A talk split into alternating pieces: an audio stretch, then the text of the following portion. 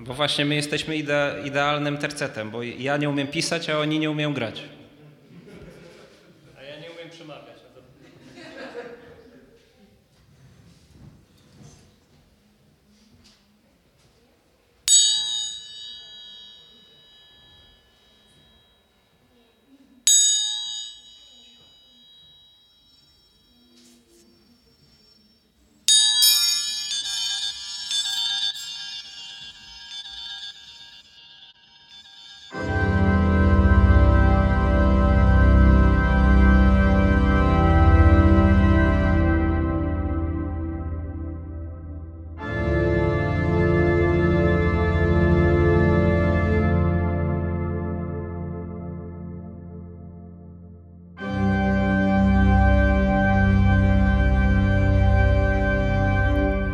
Początku była klawiatura kuwerty. Ciemności zalegały między klawiszami, a Duch Boży unosił się nad przyciskami. Wystukał wtedy Bóg. Niech się stanie światło.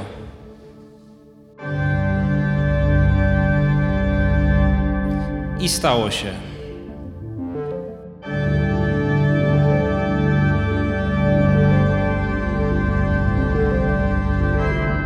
Klawiatura błysnęła milionem kolorów. Wtedy to Jahwe tchnął w nią tchnienie własnego życia. Światło zaczęło pulsować, a klawiatura oddychać. I widział Bóg, że była dobra. Mechaniczna. A potem rzekł: Bądź płodna i rozmnażaj słowa. Zaludniaj ziemię epopejami i bierz ludzką wyobraźnię w posiadanie.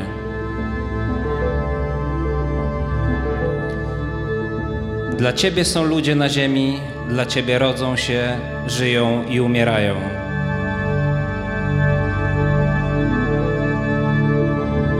Taka oto jest historia początków sensu i nonsensu.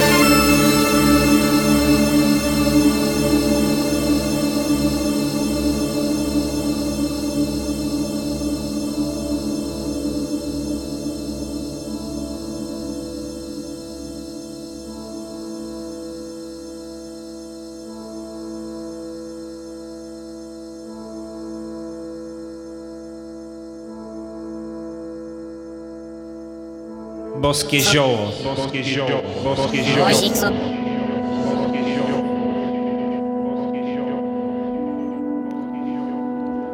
Oczywiście, że pamiętam tę sprawę. Mam swoje lata, ale tych wydarzeń nigdy nie zapomnę.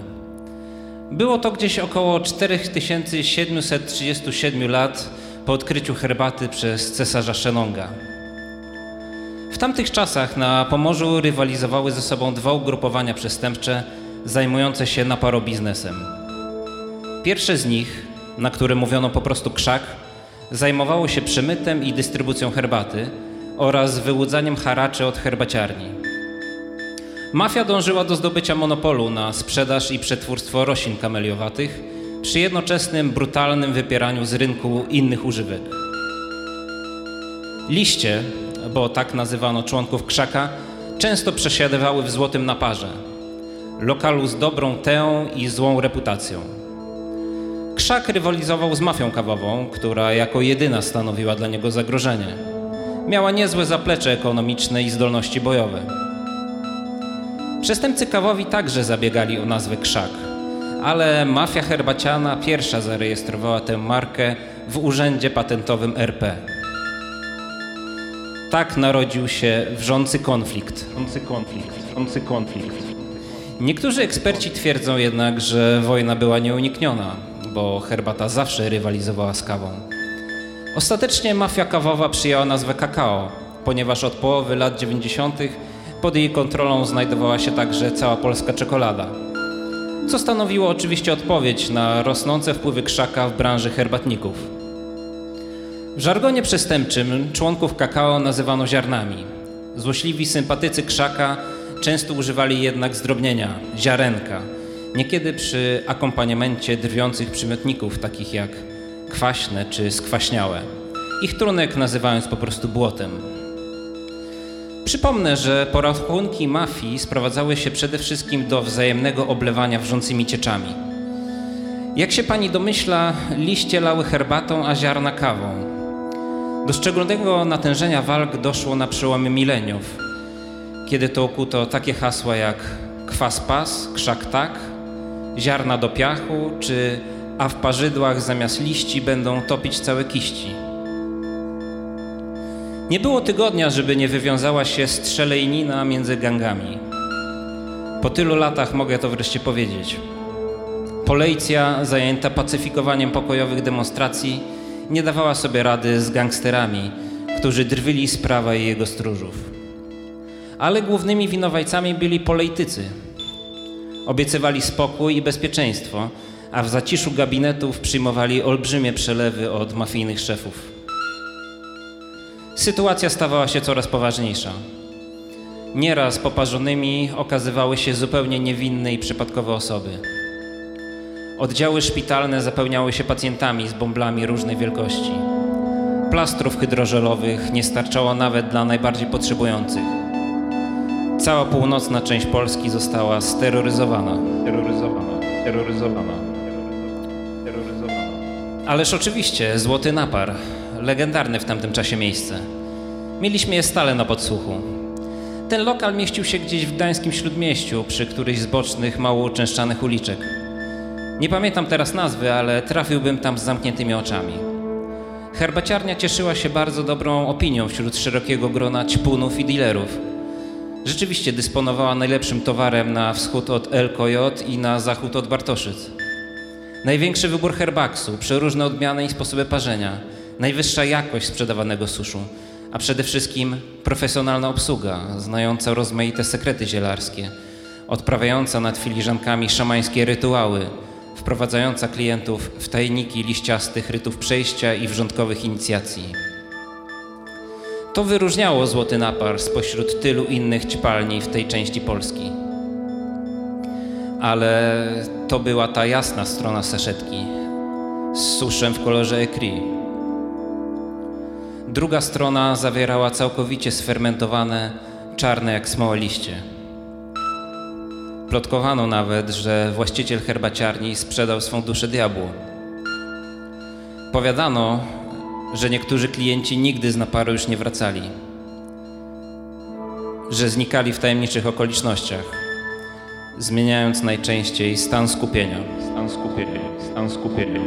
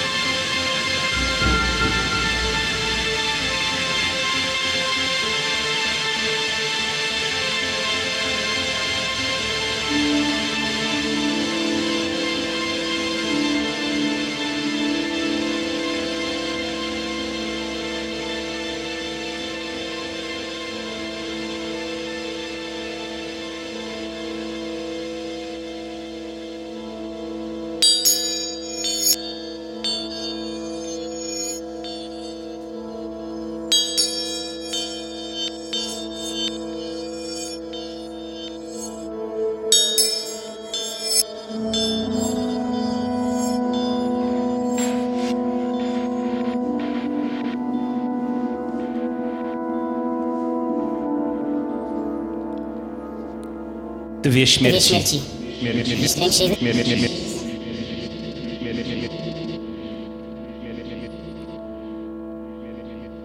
Zawsze byłem nieśmiały.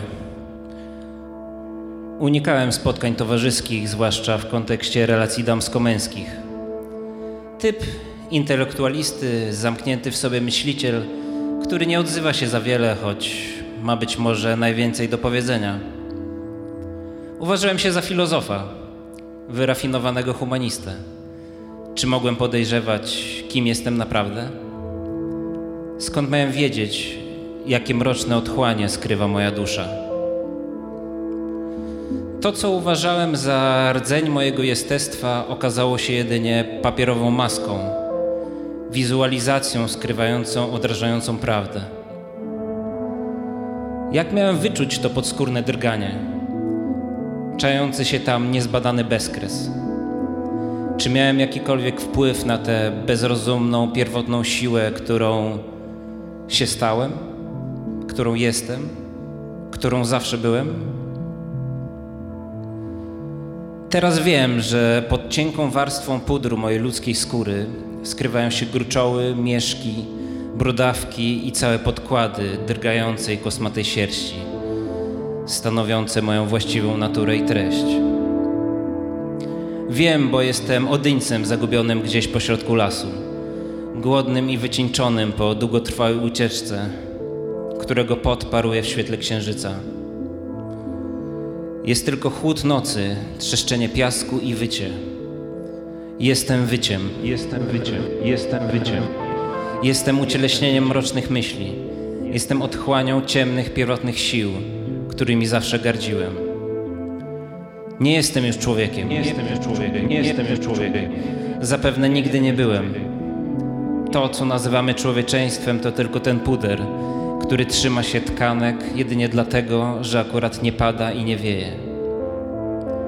Naprawdę istnieje zaledwie garstka. W odpowiednich okolicznościach nie zostaje z nas nic poza oddechem i parującą w świetle księżyca sierścią. Przeklęta naiwność i przeklęty ten dzień, w którym ujrzałem swe prawdziwe oblicze. Swe prawdziwe oblicze, swe prawdziwe oblicze.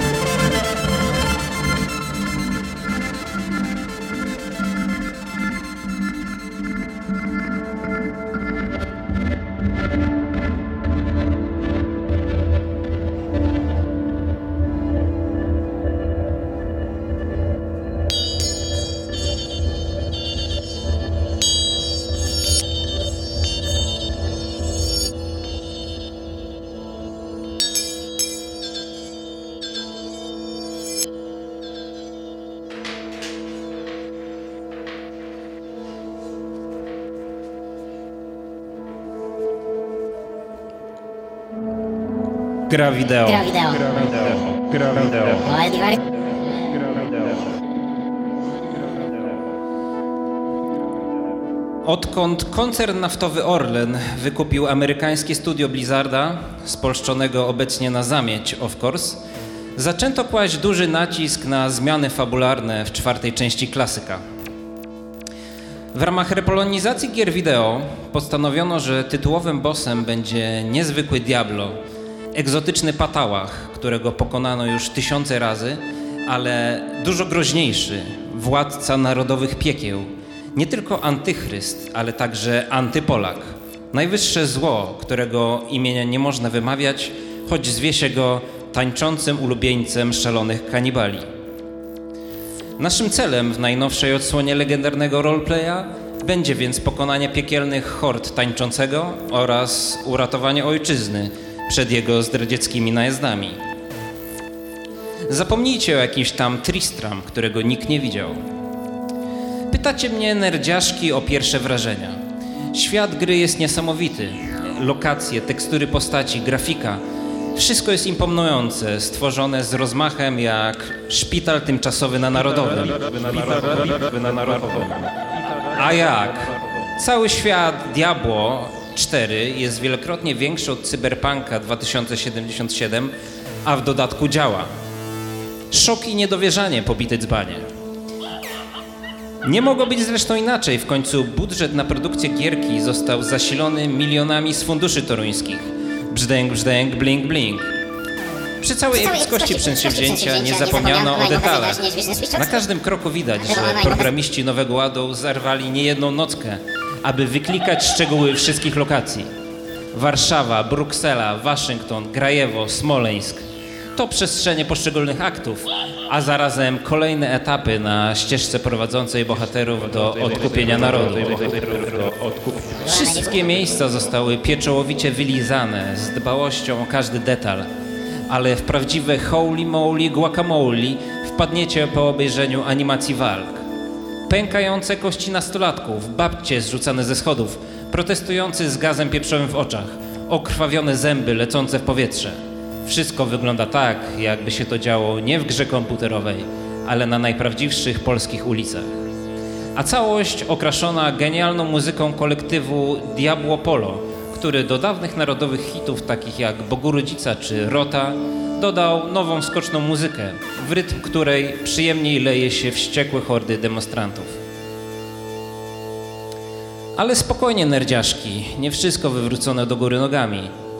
Nowe Diabło często wraca do korzeni gatunku. A więc na początku rozgrywki musimy się zdecydować na wybór jednej z pięciu klas postaci. Są wśród nich barbarzyńca z ONR-u, władający dwuręczną sztachetą, bonus do tępej siły, krzyżowiec z Ordo Juris, bonus do niszczenia mniejszości, katolicki czarodziej, Katolicki czarodziej.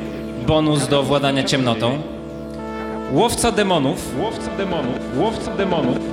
bonus do obrażeń w walce z kobietami. Oraz szaman spisu, Szaman na masz. Szaman na masz. bonus do umiejętności złodziejstwo i demagogia. Nowością w Diablo 4 są drzewka charakterologiczne. Musimy zdecydować się na jedną z kilku opcji. Ksenofobia, antyszczepionkowość, rasizm, mizoginia, antysemityzm, homofobia, seksizm, idiotyzm, foliarstwo i dziaderstwo. Niestety, jak to bywa w RPGach, nie da się wymaksować wszystkich cech i umiejętności. W Diablo zawsze stawiałem na walkę w zwarciu, dlatego wybierając swoją postać do pierwszej rozgrywki, zdecydowałem się na barbarzyńcę z ONR-u o mocach ksenofobicznych i seksistowskich, z dodatkiem foliarstwa, głównie z itemów. Jest to idealne połączenie, które sprawdza się niemal wszędzie.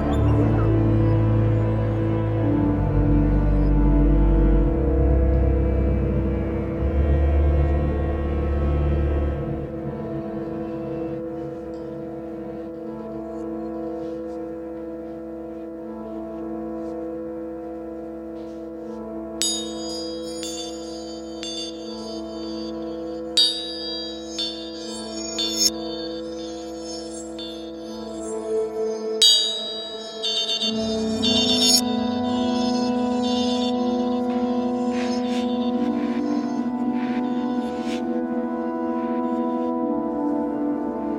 nadzieję, że jest z każdą minutą coraz gorzej.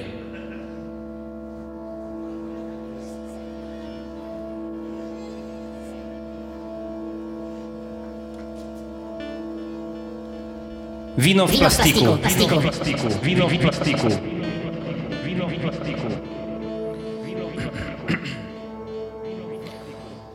Przed domem Kosty stał zaparkowany samochód. W środku grzały się dwie osoby, mężczyzna i kobieta. Gdy z ciemności wyłonił się gospodarz, wyskoczyli z samochodu, jakby zobaczyli Justina Biebera rozdającego wejściówki do swojej rezydencji w Beverly Hills. On w garniturze i eleganckim płaszczu, ona z nogami na wysokich obcasach, zakryta designerską kurtką, ewidentnie za lekką na tę porę roku w tej części świata. Zaraz zaczęli mu ściskać ręce, obejmować po przyjacielsku i mówić o jakimś wyjątkowym szczęściu. Urabiali go po prostu, wychodząc z założenia, że mają do czynienia z wiejskim prostakiem. Cokolwiek by powiedzieć o Kosteckim, jego licznych wybrykach i zapaściach, to jednak potrafił mieć głowę na karku. Wy mi tu nie pierdolcie na tym mrozie. Zaprosiłbym was do siebie, ale prądu nie mam, świeczek nie mam, jedzenia nie mam, no i wódki kurwa też nie mam. Ależ nie trzeba, mi trzeba, powiedział twardo, jakby zjadł zęby podczas szczytów G7. Być może w innym miejscu, w innym czasie i okolicznościach byłby kimś w rodzaju Margaret Thatcher. Dla podkreślenia swoich słów zmroził ich z wzrokiem, albo zamarzli naprawdę w tym białym piekle. Odwrócił się, wszedł do domu, nie patrząc za siebie, wyciągnął na fotelu i czekał. Siedział w całkowitych ciemnościach. Normalnie wychodziłby z siebie, drapał ściany aż do krwawiących palców i szczał w gacie ze strachu. Ale był pewny, że wrócą że przyjdą do niego z magiczną butelką. Eliksirem życia w plastikowej buteleczce z napisem Komandos. Ubikiem, który odwróci proces rozkładu trzeźwiejącego ciała. Para leciała mu z ust. W mieszkaniu było jeszcze zimniej niż na zewnątrz. Ale nie miał siły rozpalić w kominku. Nie miał siły wstać. Nie miał siły wstać. Nie miał siły wstać. Nie miał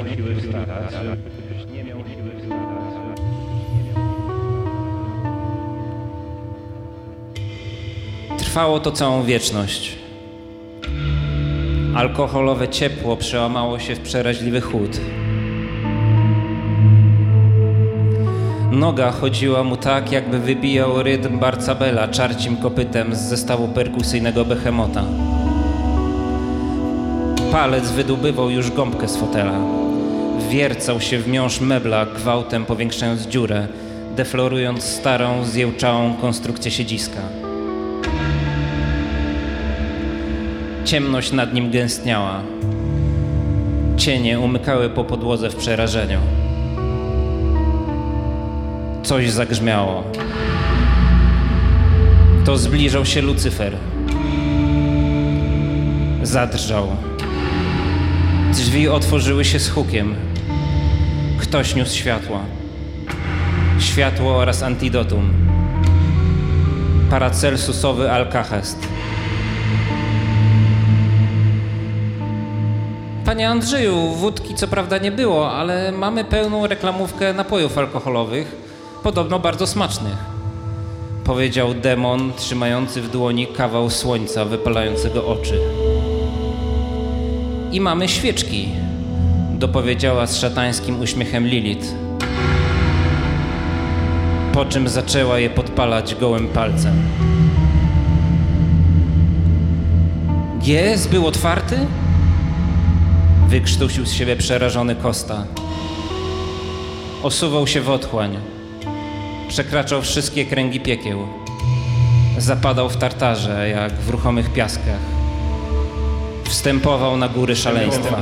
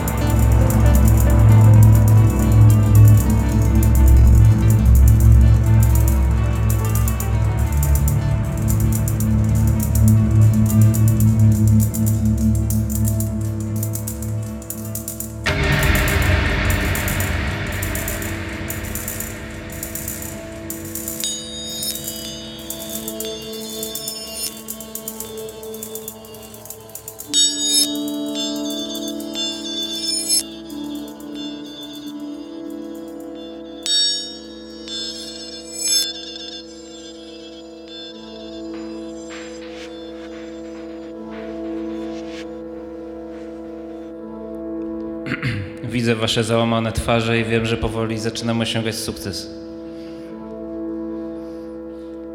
Zbliżamy się do półmetka, tak spokojnie, jeszcze dwie godziny.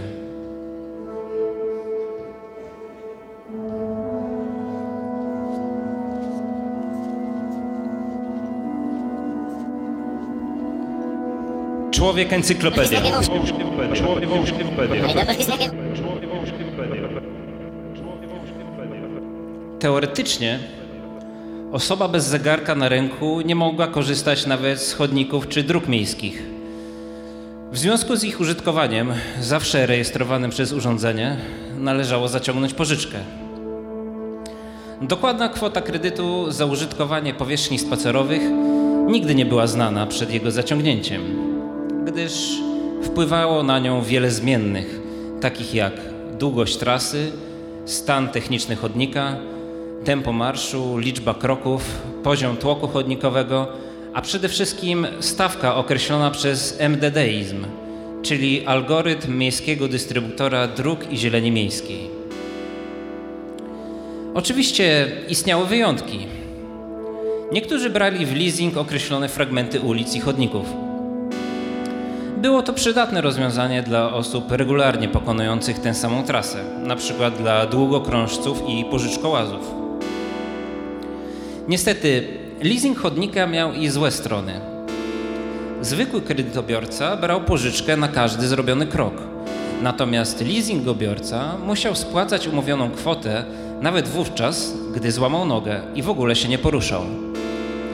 Ludzie z nogami w gipsie musieli płacić raty za spacerowanie. Nieludzkie okrucieństwo systemu, grzmiały zachodnie media. Rzecznik partii bardzo stanowczo zdementował tę insynuację. Rząd, miłosierny obrońca społeczeństwa, likwidujący w jego imieniu wszelkie demokratyczne narzędzia opresji, już z samej definicji nie może być okrutny. A nieszczęśników z przetrąconymi stawami skokowymi nazwał malowanymi kuternogami, którzy myślą, że jak trochę postękają, to raty same się spłacą. Zdarzali się również street hackerzy, w różny sposób wykorzystujący błędy oprogramowania zainstalowanego w zegarku. Najprostszym sposobem było stawanie w miarę możliwości na te płyty chodnikowe, które były dziurawe, przekrzywione, popękane lub brudne. Zegarek naliczał wówczas zniżki do kredytu w związku ze złym stanem technicznym użytkowanej ścieżki. Bardziej wyrafinowani street hackerzy chodzili w specjalnych butach imitujących dziury chodnikowe, co przynosiło podobno niesamowite efekty. Jednak za posiadanie takich butów groziły bardzo poważne sankcje, od odsetkowych aż po hipoteczne. Hipoteczne. Hipoteczne. Podobne sztuczki znajdowały zastosowanie we wszystkich przejawach życia codziennego. Zaczynając od tosta z masłem, a na locie w kosmos kończąc. Triki antysystemowe stały się ważnym elementem kultury, a zarazem kwintesencją i zwierciadłem absurdów tej rzeczywistości. Kontrkultura hakerska wraz ze stale powiększającym się repertuarem live hacków stanowiła niezwykły i oddolny przejaw społecznej kreatywności. Jednak nie miała żadnego wpływu na realia. Haki poprawiały ludziom nastrój, dawały złudne poczucie wyzwolenia i sprzeciwu Symulowały, symulowały walkę z systemem, umożliwiały każdemu iluzoryczne wyrażenie złości. W istocie przypominało to jednak bombardowanie schronu przeciwatomowego piłeczkami ping-pongowymi. Na pograniczu tej barwnej aktywności antysystemowej znajdowały się znacznie poważniejsze przestępstwa, takie jak Ransom Watch, Clockware, loan phishing czy oszustwa, tak zwaną metodą na pęknięty pasek. One także przynosiły mizerne rezultaty w starciu z systemem. Nawet przestępczy półświatek nie mógł podważyć faktu, że życie wszystkich obywateli zostało podporządkowane imperialnym zegarkom Polwatch. Polwatch. Polwatch.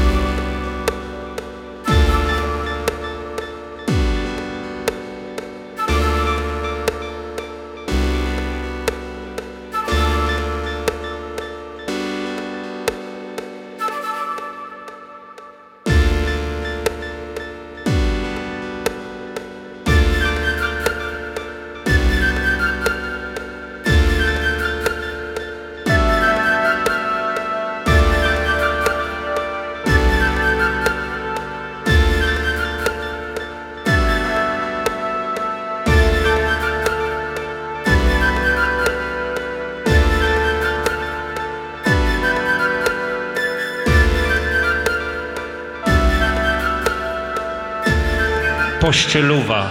Mały leszczo.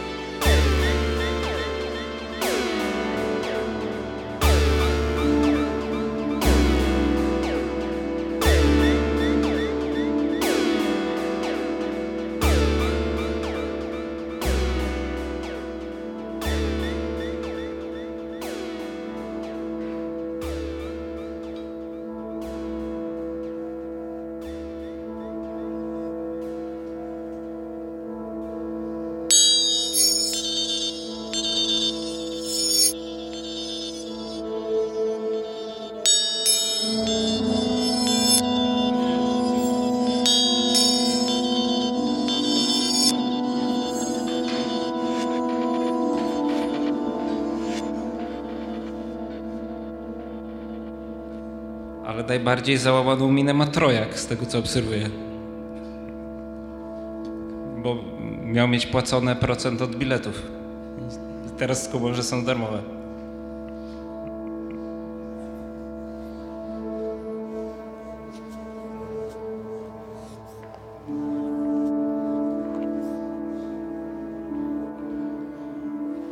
Pocztówka z przeszłości. Sztuka z przeszłości.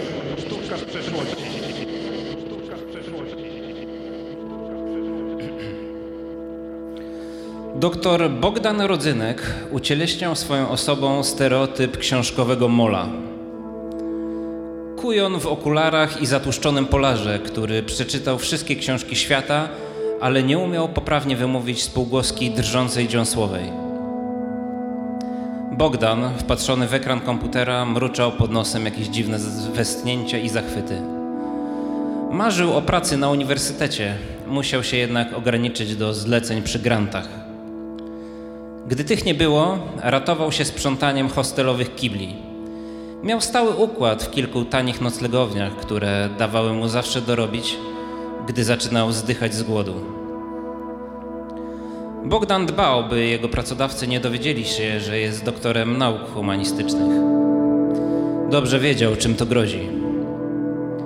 Kiedyś dorabiał w firmie sprzątającej, słynącej z oszukiwania pracowników i kontrahentów. Firma znana była z łamania wszelkich standardów etycznych. Oferowali jednak najniższe stawki za kompleksowe sprzątanie obiektów, dzięki czemu wygrywali większość przetargów w tym mieście. W tym mieście. W tym mieście. Pracownicy nie wytrzymywali zbyt długo pod batem tej bezwzględnej, nieludzkiej korporacji. Każdy zatrudniony był wyciskany jak cytryna i kiedy składał wymówienie, pozbywano się go bez żalu jak łupin dawno pożartych owoców. Konsekwencją tej polityki była konieczność zatrudniania wszelkich, wszystkich chętnych bez względu na umiejętności i predyspozycje. kiedy jeden z kierowników, wysoce wykwalifikowany w chamstwie mistrz kunsztu bycia kutasem, dowiedział się, że jego podwładny ma nie tylko maturę, ale nawet doktorat, tak się wkurwił, że wyrzucił na zbity pysk Bogdana oraz połowę HR-u. Teraz jednak Bogdan dostał angaż do projektu. Wkręcił się w kolejny grant, bo był sprawny i skuteczny. Pracowita pszczółka, która nie pójdzie spać, zanim nie przetrzepie całego archiwum. Profesorzy pisali referaty do czasopis z listy ministra. Brylowali na konferencjach, ale tak naprawdę to on odwalał czarną robotę. Przerzucał te opasłe księgi z wysiłkiem, jakby wywalał ręcznie obornik. Nikt, kto nie spędził połowy życia w archiwum, tego nie zrozumie. Ale robił to z miłością. Przedzierał się przez zasoby agadu jak osamotniony komandos, który wypruje sobie flaki i wysadzi się w powietrze, byle tylko wypełnić misję. Byle tylko znaleźć upragniony wypis z księgi metrykalnej sprzed setek lat. I często znajdował. I często znajdował. I często znajdował. Kiedy wchodził w tryb kwerendy, zamieniał się w prawdziwą bestię. Docierał do zastrzeżonych archiwów, przekopywał tysiące woluminów, robił nielegalne fotografie, szmuglował starodruki do punktu kseru i przekopywał archiwistów. Najczęściej wchodził do biblioteki na pewniaka, jakby był jakimś wandamem badań literackich z ręcznym skanerem zamiast spluwy. Z góry upatrywał sobie najdogodniejsze stanowisko, które całkowicie zawłaszczał za pomocą termosu i zapasu czekolady. Posterunku nie opuszczał, dopóki prośby o wyjście z sali nie zamieniały się w groźby. Zarabiał tyle, ile kweren przeprowadził, ale nie o pieniądze tutaj chodziło. Kiedy wielogodzinne poszukiwania przynosiły efekt, czuł euforię, miły szum w głowie, orgazm odkrywcy. Odkrycia niewielkie i skromne, choć w odpowiednich rękach często przeradzały się w prawdziwe bangery. Kuchwa! wyszeptał, wpatrując się w ekran komputera. Niestety, człowiek, który nie umie wyartykułować siarczystej kurwy, nigdy nie będzie w tym kraju traktowany poważnie.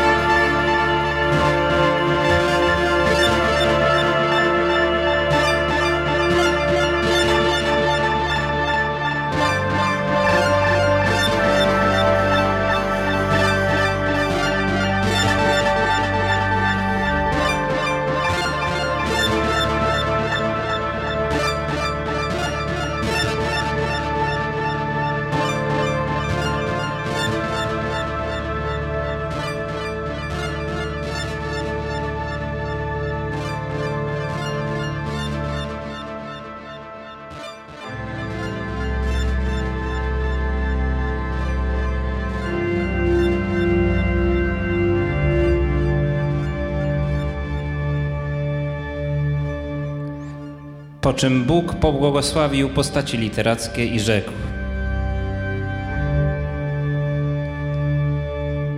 Bądźcie płodne i rozmnażajcie się, abyście zaludniły dyski twarde i uczyniły je sobie poddanymi. Generujcie swoje biografie, abyście panowały nad każdym typem narracji.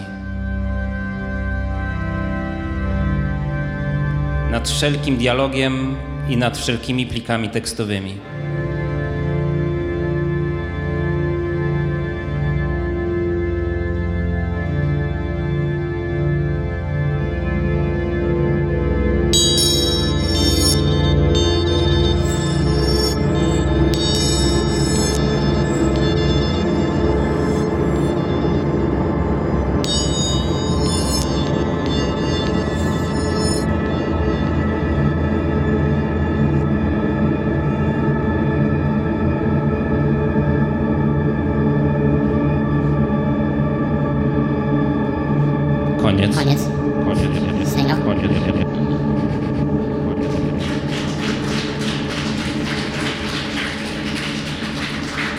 Czy nie? Czy za szybko powiedziałem?